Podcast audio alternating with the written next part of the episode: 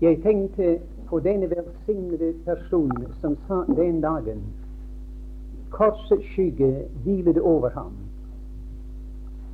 Det var ikke mange timer fremover altså før han skulle bli ført ut av Jerusalem, bøyet under korset, blodig og såret, på veien til Golgata.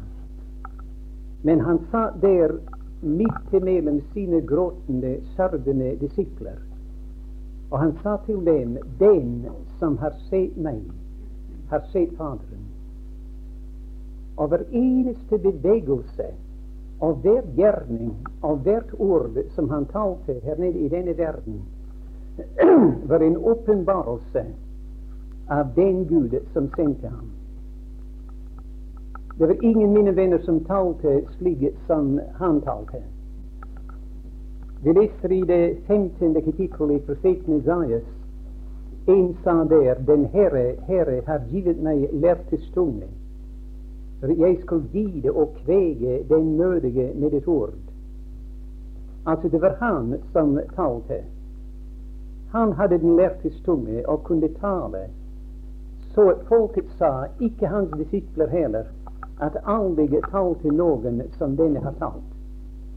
Og da han malte Gud for oss, en av de skjønneste bilder vi har, av Gud i Det nye testamentet, er i det 15. kapittel i Lukas evangelium. Og han sa at en mann hadde to sønner. Og vi kjenner til lignelsen om den forlorne sønn. Og da han var på veien tilbake, da så Faderen ham. Og da leser vi at han ynkedes inderlig over ham. Og han løp ham i møte. Det eneste stedet i hele Bibelen der Gud hadde hastverk, der vi leser at han løp, er i Lukas 15. Og det var å møte denne uverdige sønn som var på vei tilbake igjen. Og den eneste gang vi leser om at han omfavnet noen, er i Lukas 15, og det var denne sang. Mine venner, det er denne store Gud som vi har hørt om i aften. Ja. Og det er en åpenbarelse av ham som vi ikke finner noe annet sted. Og alene han som hadde den lærte tunge, kunne beskrive ham som vi har ham i det kapittelet der. Så jeg håper at hver eneste en, særlig ungdommen her i aften, Forresten alle sammen av oss, både troende og ikke-troende. Jeg håper, mine venner, det blir klart for eder aften at vår Gud, den Gud vi taler om, den Gud Bibelen taler om, er ikke en ukjent Gud. Den Gud er åpenbaret nå, fullkommen åpenbaret, og åpenbaret i Hans Sønn som kom her ned, vandret gjennom denne verden. Den som har sett meg gråte, har sett Faderen. Den som har sett meg ta små barn i mine armer og velsigne dem, har sett Faderen.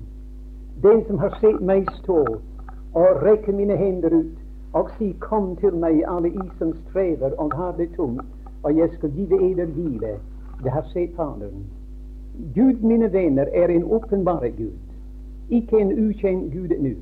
Åpenbaret, og åpenbaret eh, i den ene, den eneste som kunne åpenbare ham og det var hans elskede sang. Så om du ønsker å lære Gud å kjenne, da les om Kristus. Og du skal se din Gud, Gud altså åpenbaret i ham, her nede i denne verden. Og da kunne vi gå videre med det om, om vi vil. Følge ham igjennom Getsemane. Følge ham, mine venner, bøyet under korset til Golgates høye.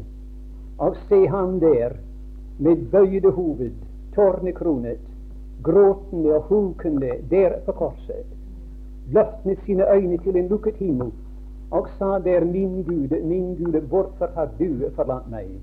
Det, mine venner, er en åpenbarelse av Gud, av Guds kjærlighet. Til da han vendte seg fra sin sang, da han lukket himmelen imot sin sang, da han sa opp sverdet imot min hyrde, mot mannen som er min neste, det var ut av kjærlighet til deg og meg. Det er en åpenbarelse av Guds kjærlighet. Jeg tenker somme tider det er ingenting som så tiltaler meg når, i denne, når jeg leser noe utenom Bibelen, altså. Det er ingenting som så tiltaler meg enn å lese om misjonærene. Deres reiser hjemmefra og forlate hjemstedet og venner og slektninger og å reise til et folk som de ikke kjenner, og samme tider som ikke ønsker deres nærværelse heller. Og når jeg tenker på deres kjærlighet, altså, det, det beveger mitt hjerte. Det var en ung mann i England, i London, som heter David Brainerd. David Brainerd, og han reiste til Nord-Amerika og arbeidet blant indianerne der. Det kalte han for indianernes apostel. og den unge mannen altså drømte slik ut av kjærlighet til disse kjære indianer at han arbeidet om dagen fra gamme til gamme og fra telt til telt. Og nettene lå han bedende og gråtende og ropende til Gud for dem. Resultatet ble at ganske snart arbeidet han seg inn i graven sin. Og disse kjære indianere var blitt frelst gjennom ham, de kom til hans grav regelmessig og gråt over hans grav. Og de sa 'Her ligger mannen som elsket oss'. Altså det var hans kjærlighet for dem som knuste deres hjerter, og som vant dem for Kristus.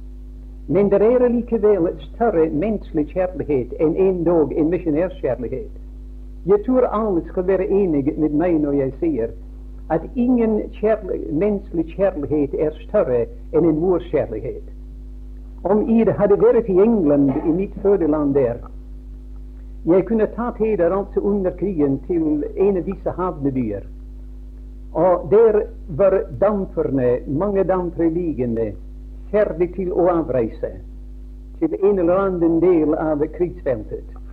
Du kunne ha sett der en ung mann stå blant en del venner ferdig til å avreise. Og blant andre venner, der var den gamle mann, hans far, og hans gamle mor som sto der for å si farvel. Nå ringer båten klokken for første gangen. Det ringer andre gang. Og nå må de skynde seg, disse unge menn, om bord båten.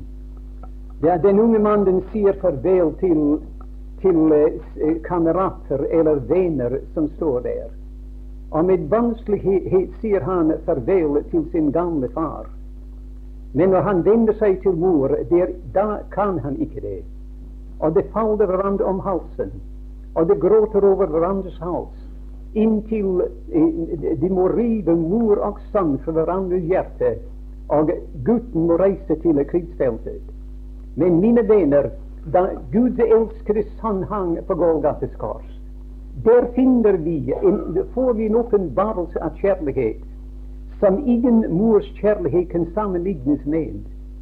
Der, da han hang der, denne velsignede Guds sønn, som hadde gjort alt her nede for å behage Faderen, som hadde gjort hans vilje, hans gjerninger, og talt hans ord, og nå henger han der. Og Gud så elsket verden at han gav ham der. Og da øyeblikket kom, det var som om Faderen og Sønnen måtte rives fra hverandres hjerte. Til han sa, min Gud, min Gud, hvorfor har du forlatt meg? Og bølgene skyllet over ham. Og han sang der i det hvite vann der det ikke var bond. Det, mine venner, er denne Gud, den store Gud som er blitt sunget om i aften. Og den Gud som elsker deg. Og om du, min kjære unge mann eller kvinne som er her i aften, fortsetter på den brede veien om du fortsetter inn mot døden og evigheten uten Kristus og uten frelse, da skal du erindre evinnelig at Gud har gjort alt for deg. At Han sendte sin sønn for deg. At Sønnen døde for deg på Golgata og utøste sitt blod for deg. At Faderen og Sønnen, Gud og Kristus, måtte ride for hverandres hjerte og for din skyld. Det er denne veldige, den store Gud. Han er kjærlighet, mine venner. Og han er kjærlighet. Og han elsker deg av hele sitt hjerte. Og han ønsker ikke du skal gå fortapt. Men han ønsker at du skal være iblant den skare, den store skare, som en gang skal omringe lammets Gud og lammets trone, syngende der, verdig er lammet som ble slaktet. og som kjøpte oss til Gud ved sitt blod. Det er der han ønsker deg å være. Han har ingen glede i at du går ned den brede veien. Det gleder ikke ham den tanken noe menneske skulle være i helvete. Han ønsker at alle skal frelses og komme til sannhetens erkjennelse. Og frelsens vei, mine venner, det er så enkel at det er nettopp det som vi snubler over. Til vi spør hva skal jeg gjøre, og hvordan skal jeg bære meg an, når alt sammen er ferdig, og det er fullbrakt. Og Gud sier til deg det er ikke noe du skal gjøre, og ikke noe du skal tale. Det er bare en stilling du skal innta. Og stillingen er ned på dine kne og si til ham, Herre Jesus, du er min frelser. Og jeg, jeg garanterer i aften at om det er en her i kveld som ønsker å bli frelst, som ikke er frelst, og du bøyer dine kne i Guds nærværelse, og det sier 'Min Herre og Frelser', du døde jo for syndere på korset, du er min frelser, du er min frelser. Jeg skal si det, mine venner, det fryder han hjertet når man tiltaler ham som min frelser, og hvor det gleder ham. Og du skal stå opp for dine kne som en frelst. Ja. Si alt er fullbra. Det er ingenting å gjøre. Men jeg ønsket bare å lese noen få vers for en liten kort stund fra det åttende kapittel i Fossen Gjerninger først. Leser der Jeg skal ikke lese alt for tidens skyld, til de er velkjente steder. Men en Herrens engel talte til Philip og sa stå opp og gå mot syd, eh, hen til den vei som går ned til, fra Jerusalem til Gaza. Av veien gikk ned, altså. Og Jerusalem er fredens stad. Gaza betyr en sterk festning. Der er vi av naturen, altså. På den veien som går ned mellom Jerusalem og Gaza. Og han stod opp og gikk dit. Og se, der var en etioper, en hoffmann, en høy embetsmann hos Kandake, etiopernes dronning en som var satt over hennes katt. Han var kommet til Jerusalem for å tilbede. Og han var nå eh, på, eh, på hjemveien og satt i sin vogn og leste profeten Isaias. Og ånden sa til Philip eh, Gå bort til og hold deg Gå bort til denne vogn og hold deg nær til den. Philip løp da til og hørte. Og han leste profeten Isaias, at han leste profeten Isaias, og sa, skjønner du hva du leser? Han svarer hvorledes kan jeg skjønne det uten at noen lærer meg? Og la meg bare si, for tidens skyld, at den delen han leste, var de kjente, det kjente sted. Han ble satt som et lam til slakterbenken. Og som et får deres tom for den der klipper det, åpnet han ikke sin munn. Og denne mannen, mine venner, var så uvitende. Han visste ikke så meget som den yngste her i aften vet. Han sa hvem taler profeten om? Er det om seg selv eller om noen annen? Og da leser vi at Philip begynte derfra, og han forkynte for ham evangeliet om Jesus. Men dette er det niende kapittel, i det, det tredje vers. Men på reisen skjedde det at han kom ned til Damaskus, og med ett strålet det et lys fra himmelen om ham. Han, han, han falt til jorden og hørte en røst som sa til ham, Saul, Saul, hvorfor forfølger du meg? Og han sa, hvem er du, Herre? Og vi vet alle sammen hva resultatet ble. At jeg er Jesus, som du forfølger. Og Saul ble frelst. Nå i det tiende kapittel Og det 41. 42. vers. Og han, altså Jesus, bød å predike for folket og vitne at han er den av Gud bestemte dommer over levende og døde. Han giver alle profeter det vitnesbyrd at hver den som tror på ham, får synderens forlatelse i hans navn og da ble Kornelius og de som var med ham i huset, alle sammen av dem ble frelste. Til Den hellige ånd falt over dem som hørte ordet. Nå, Den boken som kanskje alle vet her i aften, jeg mener apostelen Gjerninger, det var skrevet av Lukas. Lukas begynner sitt, det er apostelen gjerninger ved å si at den første bok skrev jeg og Theotivus om alt som Jesus begynte med å gjøre og å lære. Altså, han talte der om evangeliet. Og han skriver i evangeliet om alt som Jesus begynte med å gjøre og å lære. Og det var vidunderlige ting, mine venner, som han begynte der å gjøre. Vi kan gå gjennom dette en av de mest fengslende bøker, bortsett fra alt annet som er skrevet, er Lukas evangelium. Kristus er fremstilt der i sin skjønnhet. I andre bøker er han fremstilt i sin storhet og kongelighet. Men der er det hans skjønnhet som kommer frem, som et menneske her nede i verden, et guddommelig menneske. Og han begynner der og går gjennom disse lignelser som ikke er omtalt noe annet sted. Og følger han hele veien igjennom alt som han gjorde, og alt som han talte. Helt igjennom, mine venner, inntil han førte sine disipler ut, så langt som til Betania. Og han oppdrette disse gjennomstungne hender og velsignet dem. Og idet han velsignet dem, for han til himmelen. Og han satte seg der han er i dag. Han satte seg ved, ved Guds høyre hånd, og der er han i dag. Men, sier eh, Lukas, nå skal jeg skrive til deg den sanne personen, om hva han fortsetter med å gjøre.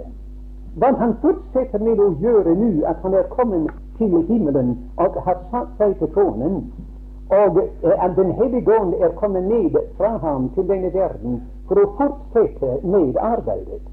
At det er Kristus som gjør disse gjerninger som er gjort i dag, ved Den hellige ånd. Den boken her, jeg vet ikke om alle vet i aften, at boken heter egentlig, altså på grunnspråket, det heter gjerninger. Det er bare et eneste ord som står over boken. Og de som oversatte Bibelen, mente de må skrive altså apostelens gjerninger. Og det er naturligvis ganske riktig. Det var apostlene som utførte disse gjerninger. Men jeg tror et bedre navn ville ha der Den hellige ånd-gjerninger. Til Den hellige ånd, mine venner, tok disse apostler fra det andre kapittel. Og han går igjennom kapittel etter kapittel, og han viser oss hva den Herre Jesus fortsetter med å lære og å gjøre.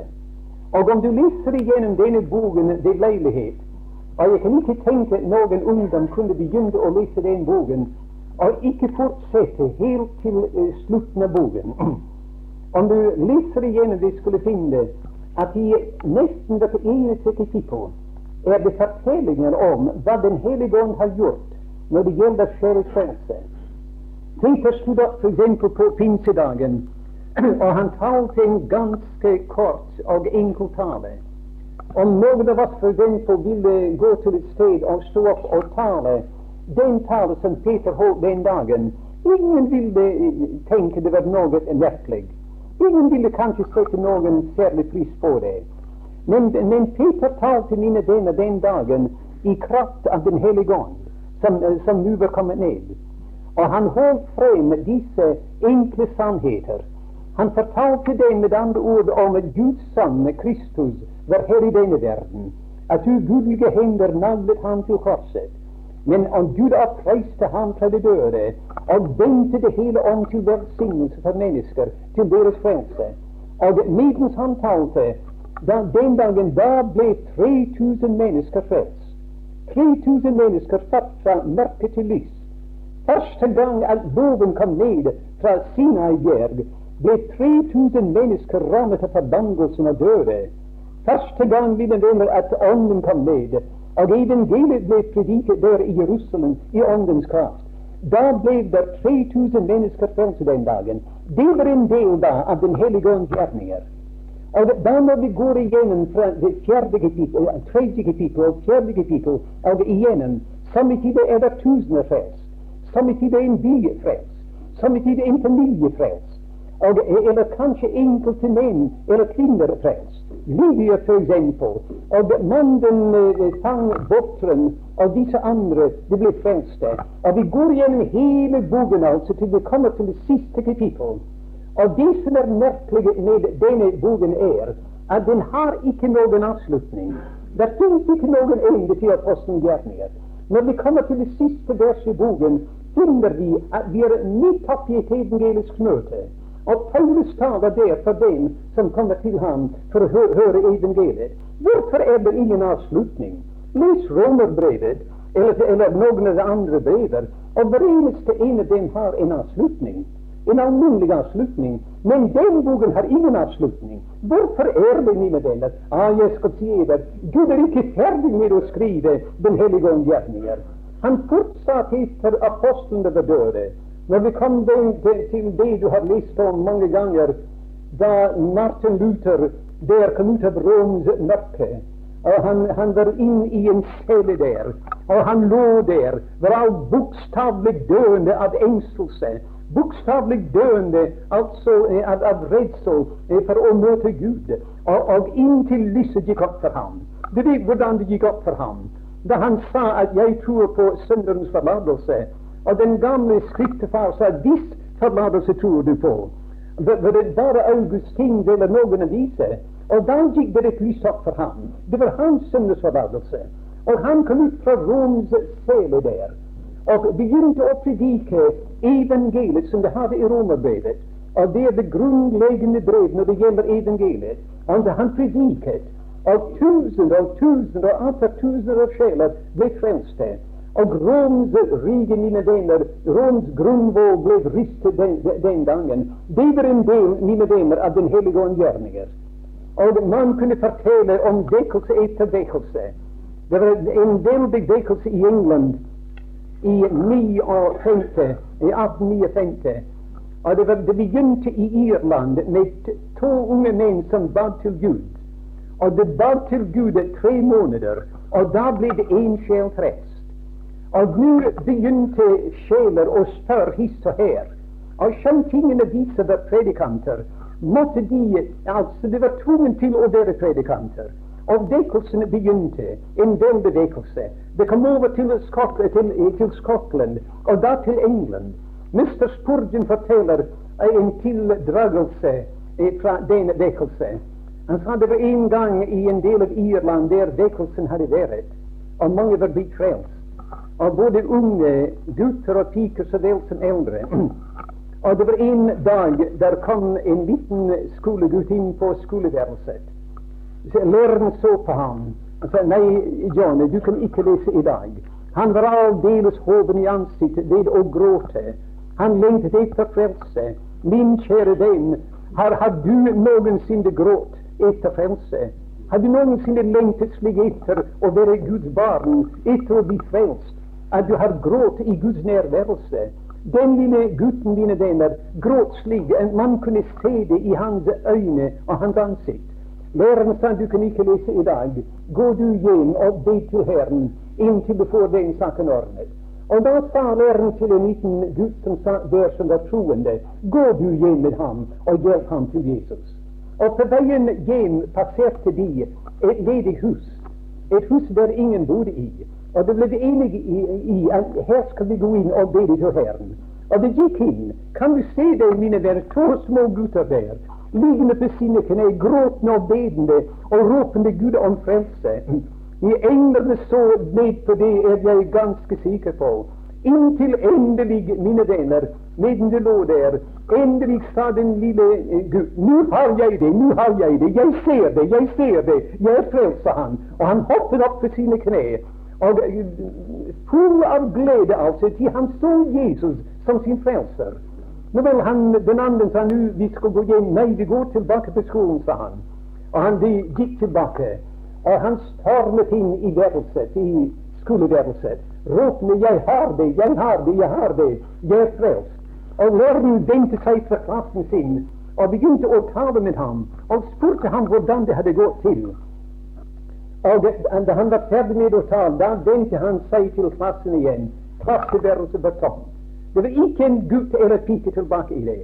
Og da han gikk frem til vinduet og så nedover vinduet, da så han noen, mine venner, som var sikkert beregnet å bringe englene til å, å, å, glede seg, og å slå på sine harper, om de har harper, enda mer.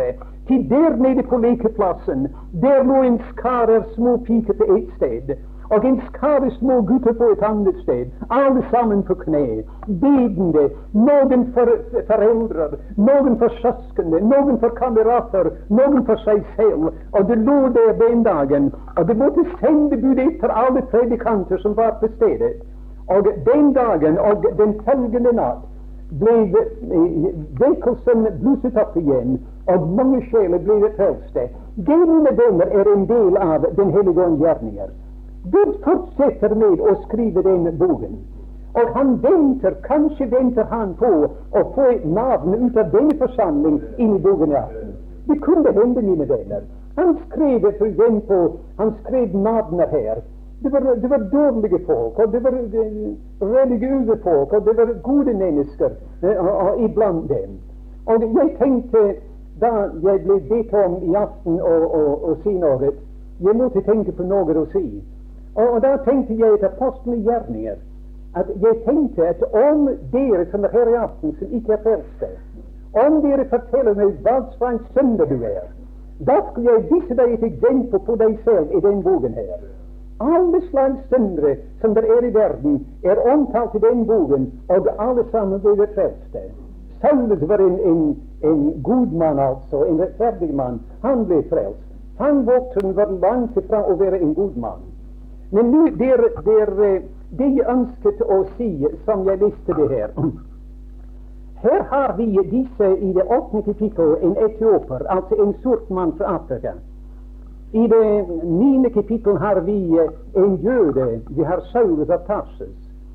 Og i det, ni, det, det tiende kapittel har vi en, en uh, italiener, han var altså Cornelius, som vi leste om. Du husker den gangen da, da Noah kom ut av arken. Han hadde tre sønner. Det var Sem og Kam og Jafet. Og vi viser at ut fra disse tre ble hele verden befolket. De sorte raser de kom fra Kam. Og jødene de kom fra Sem. Og europeerne kom fra Jafet.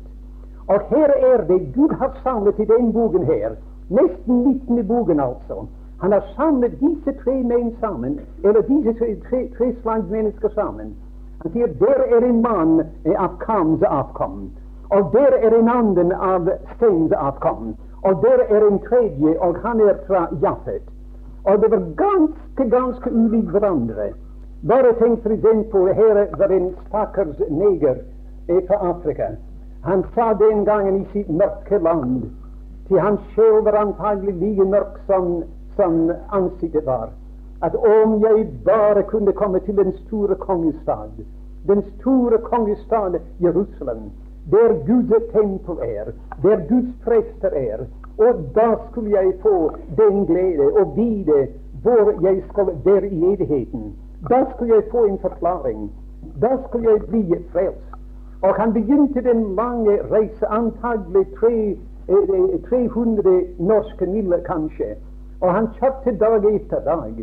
Og da en morgen som han satte seg opp i vognen, å, sa han, bare noen få timer til. Der er Jerusalems murer. Der er tempelets tinde, Bare noen få timer til. Og da blir jeg glad. Da får jeg fred. Da får jeg kjennskap til disse vidunderlige ting. Til himmelens Gud. Og han kom, mine venner, og han kom til Jerusalem. Og han kom inn der. Og hva, hvor han var, vet vi ikke. Men sikker er jeg, han var rundt omkring og samtalte med Israels lærere. Han var opp til tempelet og, og kanskje i synagogene og hørte. Men nå er han på veien tilbake igjen, en skuffet mann. På veien tilbake, mine venner, uten frelse. Uten kjennskap til, til den frelser, eller den frelse han lengtet etter å, få kjennskap til. Han er på veien hjem uten frelse. Og, og, det var derfor at Gud sendte Han satt i himmelen og jorden i bevegelse. Vi bruker dette uttrykk, men her er det virkelig sant. Himmelen og jorden ble satt i bevegelse. For hva? For at 3000 sjeler skulle frelses? Nei, ikke det. Men at det eneste mann skulle frelses. Og den mannen sort mann også. Jeg husker en gang i 1914 jeg var i Oslo da utstillingen var der. Og det var en leir der fra Afrika. Just som de bor der i skogene der i Afrika. Og vi så det var en, en annen venn og jeg som gikk igjennom og gikk forbi det. Og vi så på disse, disse folk som satt der. Og da, da, vi gikk ifra det, han så på meg. Han sa 'Er de mennesker?' At er de mennesker? Det, det så så lav ut, altså. Det lignet ikke hva vi kaller for mennesker. Mannen, mine venner, var fra Afrika. Han var iallfall fra, Etiopien. Og han gikk av en sort mann.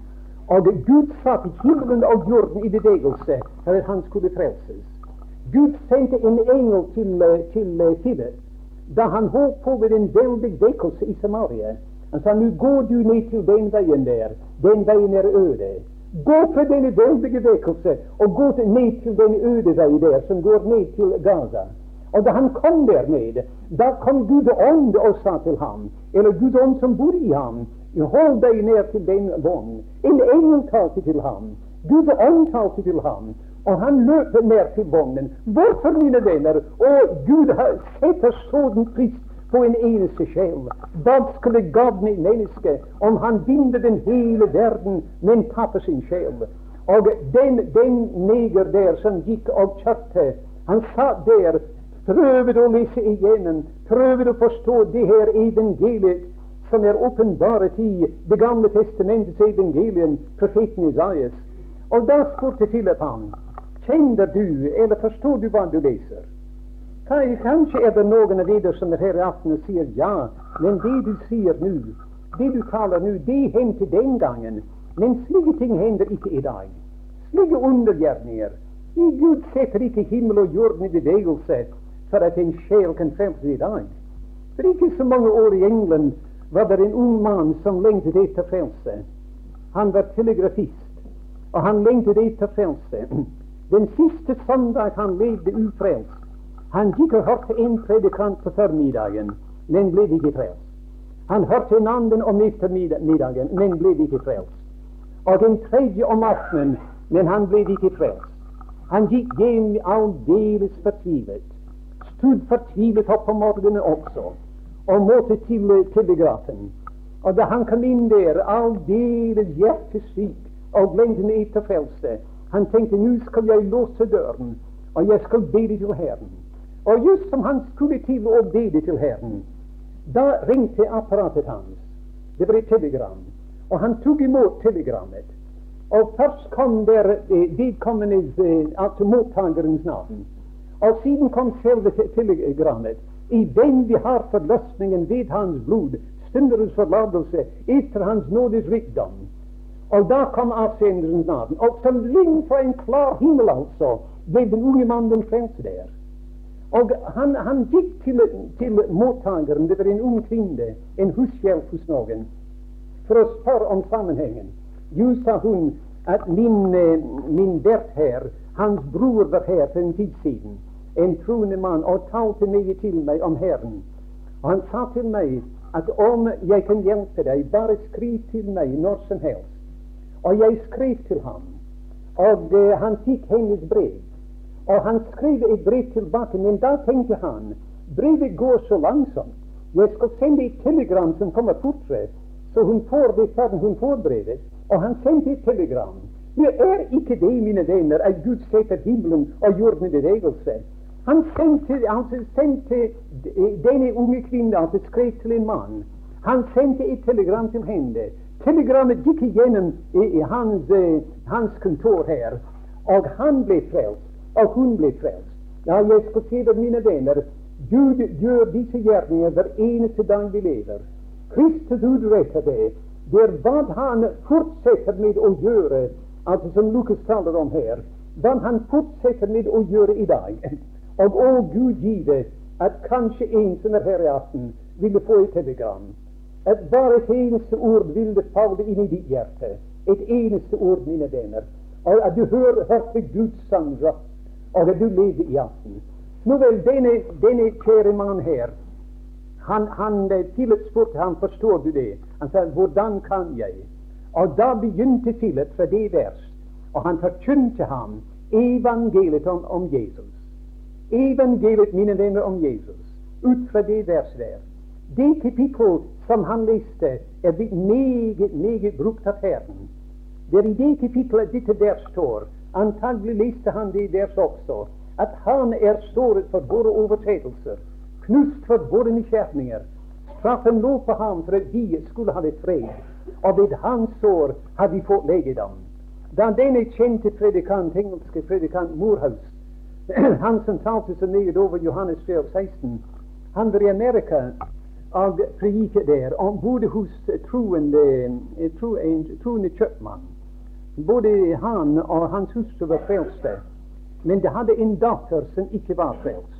Hun levde bare for det nærværende, levde i verden og fornøyelsen. Og en morgen i en formiddag da Morhaus satt inn i sitt værelse, eller inn i værelset iallfall, og leste i Bibelen, da kom hun inn uten å vite at han var der. Hun bad om unnskyldning og ville trekke seg tilbake. Men denne sjelevinner spurte henne, 'Frøken, er De frelst?' 'Nei, det er de ikke', sa hun. Og hun holdt på altså langsomt å trekke seg tilbake. Men han spurte henne det andre spørsmål om at forbi å bli frelst. 'Å jo', sa hun. Du vet om jeg spurte alle som er her i aften, om det aktet å bli frelst om det var deres mening å være i himmelen. Hver eneste menneske her og rundt om i hele Norges land ville si ja, naturligvis. Og hun var en av dem. Hun mente hun ønsket å bli frelst og komme til himmelen. Men da før hun kom ut av værelset, spurte han henne når skal frøken bli frelst. Og det spørsmål gjorde Gud ånd levende i hennes hjerte. Og hun stod som eh, spikret fast til gulvet. Og endelig sa denne forstandige unge kvinne jeg skal bli frelst nå, sa hun. Og han åpnet sin bibel, det, det kapittel som, som, den, eh, som etiopen leste. Og han, han leste kapitlet for henne. Nå, sa han, nå skal de lese kapitlet selv. Men de skal lese det på en personlig måte, som skrevet til dem. Ikke vi og oss, men jeg og meg og, og jeg. Og hun leste det kapitlet til hun kom til det femte vers. Han er såret for mine overtredelser. Han er knust for mine nysgjerninger. Straffen lå på ham for at jeg skulle ha det fred. Og da brast det for den unge kvinne. Da så hun, mine venner, gjennom sine tårer at frelsen var for henne. At Jesus døde for henne på korset. Det, du min kjære venn, det var for deg han døde. Det var deg han led for. Han gav sitt liv for deg, sitt blod for deg. Led alt som han eh, led på korset for deg. Om det ikke var en annen sønder i hele verden, han gjorde det for deg. Og denne unge kvinne, gjennom sine tårer, sa hun eh, at eh, ved hans sår har jeg fått legedom. Og hun stod opp for sine kne som en fremskjell. Det er det, mine venner, som Gud ønsker for alle sammen i aften. Om du erkjenner, han erkjenner Kristus som din frelser, da skal Gud frelse deg. Om du bøyer dine kne, som jeg sa i stad, og sier, Herre Jesus, du er min frelse. du døde jo for syndere, og jeg er en synder, du døde for meg. Han skal si til deg, din tro har frelst deg, gå bort i fred. Nå, jeg skal ikke eh, tale mer, men bare og nevne en, eh, bare en par tanker om det andre to ellers går tiden for, for fort. At her var en stort mann, altså. En avkommer kam, og han ble frelst ved å høre evangeliet om Jesus. Men der var verdens mest religiøse mann, altså Saul. Ingen hadde klatret opp så høyt i religionsstige som Saul. Ingen kunne peke fingeren at ham og si du gjorde en urettferdig handling der. Han levde etter loven, sier han, han var fullkommen. Men å, mine venner, han kjente ikke Jesus. Han hadde det, denne Nazarer. Og nå var han på veien ned, som vi alle sammen vet, ned til Damaskus for å binde og føre i fengsel alle dem som kalte, som trodde på Jesus.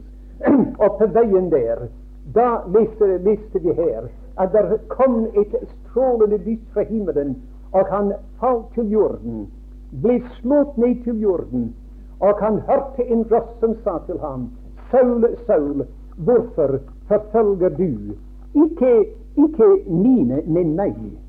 At de som han forfulgte, han erkjente Jesus som en del av seg selv. Hvorfor forfølger du meg? Og han sa, men hvem er du, Herre? Han visste det, den røst kom fra himmelen. Han visste at det måtte være Herren som talte, men den var han. Og da fikk han den åpenbarelse. Jeg er Jesus, som du forfølger. Og hans omvendelse, mine venner, for ham, det ble større og større som årene gikk. Vi ble minnet om det, tror jeg, i går her på noen et, et av møtene. Her står det et lyst fra himmelen strålte rundt omkring ham. I det 22. kapittel et sterkt lys fra himmelen strålte rundt om ham. Og i det 26. kapittel et lys fra himmelen klarere enn solen strålte om ham. Det ble klarere og klarere, større og større for hver dag som går. Og jeg skal si det, mine venner, jeg vet det av erfaring. Og jeg priser Gud for at jeg ble frelst den gangen da jeg var 16 år gammel. Og som årene gikk, det ble større og større for meg. Men det har aldri vært så stor som det er i dag. Når jeg tenker, mine venner, at om en liten kort stund Jeg har ikke mange år igjen, om jeg har år igjen. Til ifølge naturen må jeg gå all verdens vis. Men nå jeg fryder meg med den, den tanke at om en liten stund skal jeg toge igjennom himmelens perleporter, og jeg skal se denne velsignede skikkelse en virkelig mann, mine venner, men òg et, et gudmann. En guddommelig mann som kommer imot meg og mottar meg der, og som jeg faller ned for hans velsignede fatter. Og jeg skal si, Herre Jesus, endelig er jeg kommet frem. Endelig er det himmelen for meg, deg selv, Herre, å være her og hos deg evinnelig og alltid. Nå vel, det blir større og større som årene går. Nu, det, da det, Saul av Tarsus, verdens aller beste mann. Den, den, første var en sort mann fra Afrika. Den andre var den verdens beste mann. Den mest rettferdige som gikk. Han ville ha vært antagelig eh, Israels lærer. Om noen få år hadde han levet eh, eh som en jøde den gangen, og ikke en kristen. Men da, i det neste kapittel Da leser vi om denne hedning, altså denne eh, italiener Cornelius. Han var en god mann. Meget god mann. Han gav almisser til det fattige. Og han bad også til Gud uten å kjenne Gud. Men da sendte Gud et Peter til ham. og da, da, Peter kom fra Joppe eh, til hans hjem, da kom han Peter i møte. Og han sa til ham, nå er vi alle samlet her, ikke for ditt åsyn, men for Guds åsyn. Og vi er samlet her for å høre ikke hva du mener, og hva din anskuelse er, men å høre hva Gud har gitt deg å si til oss. Da. Og det er, det er, ingenting å si, mine venner, hva min mening er. Det er Guds mening. Og her har vi Guds mening i disse vers her. Guds mening er åpenbare til evangeliet. Jeg er synderen, og Kristus er frelseren. Og når jeg kommer til Han, er jeg frelst. Det er ikke gjerninger, ikke arbeide, ingenting. Det er å bøye seg for Ham, erkjenne Ham som frelser. Nå vel, Det var det Kornelius gjorde. Han kom inn der, og da Peter han var en, en, et eksemplarisk predikant. Vi viser da opplod Peter sin munn. Altså, han mumlet ikke alt en hel del ting. Men han opplot sin munn så at alle skulle høre ham og forstå ham. Og han fortalte ikke en hel masse nye, merkelige ting. Men han talte disse enkle, velsignede sannheter som de har gjentatt flere ganger i aften, inntil det kom til de vers som jeg visste. Og der sier han at han gav alle profeter det vitnesbyrd at det er den som tror på ham, får syndens forlatelse i hans navn og øyeblikkelig erkjente Gud at i disse sjeler som sitter her, det, det følger med i tro i sitt hjerte. Hver eneste ord drikker det inn. Det drikker inn det budskap. Det tror det. Og derfor falt Den hellige ånd over alle dem som hørte ordet. Og den dagen Jeg vet ikke hvor mange det var som ble frelst. Det, mine venner, er også en del av Den hellige ånd gjerninger. Og gå gjennom den velsignede bok her det dekker et tidsrom av antagelig 40 år. Gå gjennom det og se hvor mange slag mennesker ble omvendt. Regne opp om du kan hvor mange ble omvendt også. Og da les til slutt, og du skal finne at Gud er fremdeles opptatt med det, og skriver det. Ja, det slutter i tiden deres møte. Og kanskje, den vet, vi vet ikke, mine venner, det kunne hende at det er det siste evangeliske møtet her som blir i Langaker. Kanskje den siste. Kanskje får noen det siste kall i aften til å omvende seg til Herren. Hva skal vi gjøre da med kallet? Hva skal vi gjøre med denne velsignede frelser? Vil du si til ham igjen, atter igjen, gå din vei for denne gangen? Når det behager meg, skal jeg komme til deg. Min venn, nå er den behagelige tid. Se nå, nå altså er frelsens dag.